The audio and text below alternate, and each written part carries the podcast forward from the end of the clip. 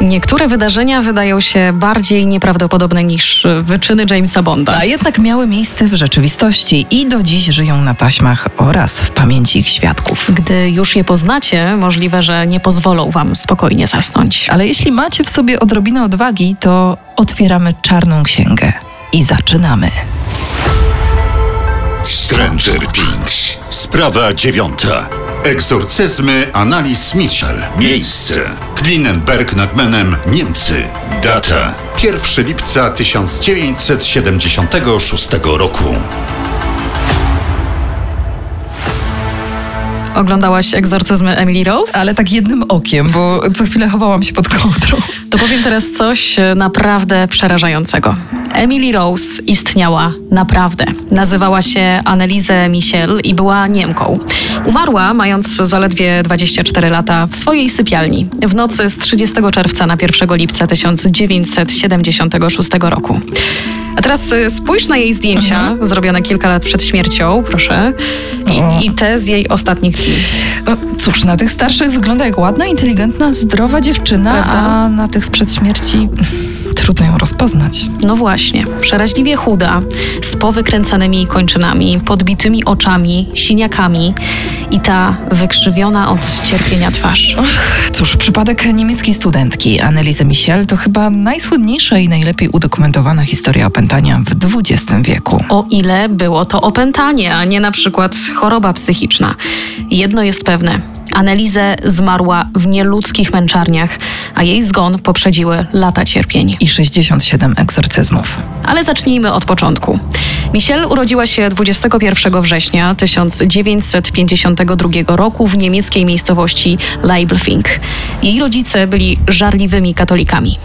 Annelise od dziecka marzyła o tym, by zostać świętą. Jako nastolatka umartwiała się, między innymi śpiąc na gołej podłodze zimą. Twierdziła, że w ten sposób próbuje odkupić grzechy świata. Gdy miała 16 lat i uczyła się w szkole średniej, zaczęła cierpieć na silne ataki padaczki.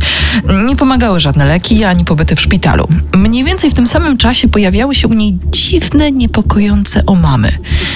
Zaczęło się od tego, że widziała diabelskie twarze i słyszała głosy, które mówiły jej, że jest potępiona. Nocami miała wrażenie, że przygniata ją jakiś ciężar, przez który nie może złapać oddechu. Słyszała też jakieś stukania, które z czasem zaczęli zresztą słyszeć też jej rodzice. Analiza była wożona od lekarza do lekarza, ale żaden z nich nie potrafił stwierdzić, jaka była przyczyna tych zaburzeń. Po paru latach było jeszcze gorzej. Yy, może ty o tym opowiedz, bo ja nie jestem w stanie. Okej, okay, będę odważna. No więc słuchajcie. Analiza zaczęła pić własny mocz i jadła węgiel, muchy i pająki. Odgryzała głowy ptakom. Zdzierała z siebie ubrania i bywały nawet dni, kiedy nie mówiła, a szczekała jak wściekły pies lub wydawała z siebie inne nieludzkie odgłosy. Niszczyła krzyże i religijne figurki oraz wykręcało ją na widok Biblii. No tutaj akurat mogłaby się z Nergalem dogadać. Ponadto osoby z jej otoczenia twierdziły, że dziewczyna roztacza wokół siebie woń spalenizny. Do tego gryzła i drapała ściany i była nieustająco pobudzona. Wykazywała się też niezwykłą siłą fizyczną. Bez wysiłku mogła podnieść dorosłą osobę i cisnąć nią o ścianę. Jej chłopak, Peter Himzel, wyznał po latach tak. Potrafiła jedną ręką zgnieść jabłko. Nigdy czegoś takiego nie widziałem. Swoją drogą ciekawe, że spośród tylu przerażających sytuacji Peter zapamiętał to jedno jabłko. Ale nie wnikajmy. W 1970 roku lekarze uznali ostatecznie, że są bezradni wobec tych wszystkich objawów, a te występowały coraz częściej i były coraz silniejsze. I w końcu padło słowo na o. Opętanie. Do wniosku, że duszą Analizę zawładnęły demony, doszła jej rodzina. Uznano, że trzeba spróbować drogi pozamedycznej i poprosić o pomoc księży egzorcystów. Początkowo Kościół odmawiał pomocy rodzicom dziewczyny, twierdząc, że powinna dalej leczyć się farmakologicznie. Dopiero we wrześniu 1975 roku biskup Würzburga Józef Stangle udzielił księdzu Salwatorianinowi Arnoldowi Rędzowi zgody na egzorcyzmy. Miały być one jednak zachowane w tajemnicy. Do księdza Ręca dołączył proboszcz Ernest Alt. Podczas późniejszego procesu wyznał on m.in. Analizę Michel uznawała swoje cierpienia związane z opętaniem za pokutę za grzechy innych ludzi, szczególnie kapłanów i młodych Niemców. Gdy księża wzywali je do opuszczenia ciała Anelizy, wydawała ona z siebie nieludzkie okrzyki i warczenia. Co ciekawe, same demony domagały się uwolnienia, wyjąc chcemy wyjść ale mimo wielokrotnych nawoływań księży pozostawały w ciele dziewczyny. Jak przeczytałam w Washington Post, e, Analiza Michel potrafiła przemawiać kilkoma różnymi męskimi głosami, a tkwiące w niej demony przedstawiały się m.in. jako Kain, Lucyfer, Judasz czy Hitler. Często podejmowały też dialog z egzorcystami, opowiadając na przykład jak wygląda piekło. Demon, który identyfikował się jako Hitler, powiedział kiedyś: Ludzie są głupi jak świnie, myślą, że wszystko się kończy wraz ze śmiercią. jakbym słyszała Hitlera. W sumie od jesieni 1975 roku odbyło się 67 sesji z egzorcyzmami, trwającymi czasami nawet i po 4 godziny. Większość z nich została nagrana na taśmy magnetofonowe, których do dziś możemy posłuchać.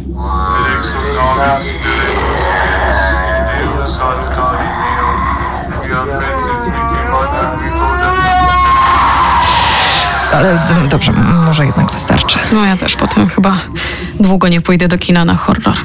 E, Michelle już po pierwszym egzorcyzmie odmówiła przyjmowania posiłków. Chudła w oczach. Tymczasem rodzice, całkowicie ufając egzorcystom, zaprzestali jej leczenia. 30 czerwca 1976 Annelizę poprosiła o rozgrzeszenie, które otrzymała od księdza Renza.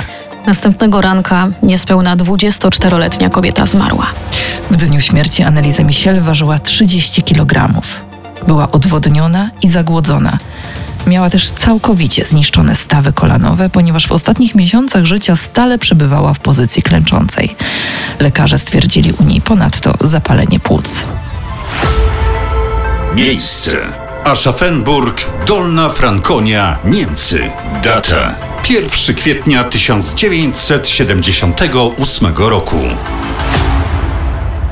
Wkrótce po śmierci rozpoczął się słynny na całe Niemcy proces, w którym na ławie oskarżonych zasiedli dwaj księża egzorcyści oraz rodzice Analizę, Anna i Józef. E, powołani biegli uznali, że przyczyną objawów mogła być epilepsja, a także surowe katolickie wychowanie. Natomiast bezpośrednią przyczyną śmierci było według lekarzy zagłodzenie kobiety.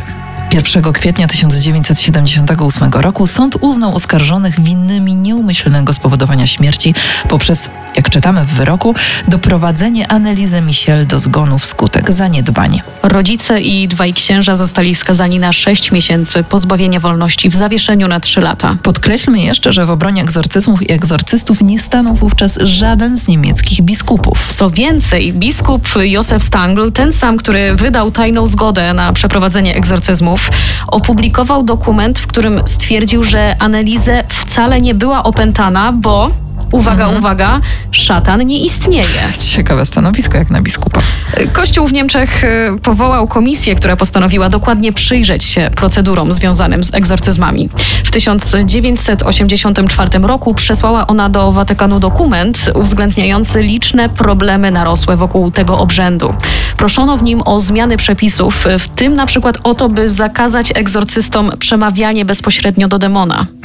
Debata na ten temat trwała w Watykanie aż 15 lat. W końcu pewne przepisy zmodyfikowano, ale akurat ten, który pozostawiał otwartą możliwość bezpośredniego kontaktu z domniemanym demonem, pozostał bez zmian. Kiedy w 2005 roku na ekrany kin wszedł film Egzorcyzmy Emily Rose, a rok później Requiem z nagrodzoną srebrnym niedźwiedziem Sandrą Hiller, przypadek Annelise stał się słynny na całym świecie. Do dziś na cmentarz w Klingenbergu zjeżdżają grupy pielgrzymów, które modlą się, śpiewają i zostawiają przy grobie kobiety świeże kwiaty i karteczki z prośbami o jej nadprzyrodzone wstawiennictwo. Annelise Michel przez wielu traktowana jest jak święta, która wzięła na siebie cierpienia i grzechy niemieckiego kościoła i całego społeczeństwa, co doprowadziło ją do przedwczesnej śmierci. I choć powszechnie uważa się, że była ona ofiarą dewocji błędów lekarskich, gdy słucha się taśmy z nagraniami egzorcyzmów. Nie, tylko nie to.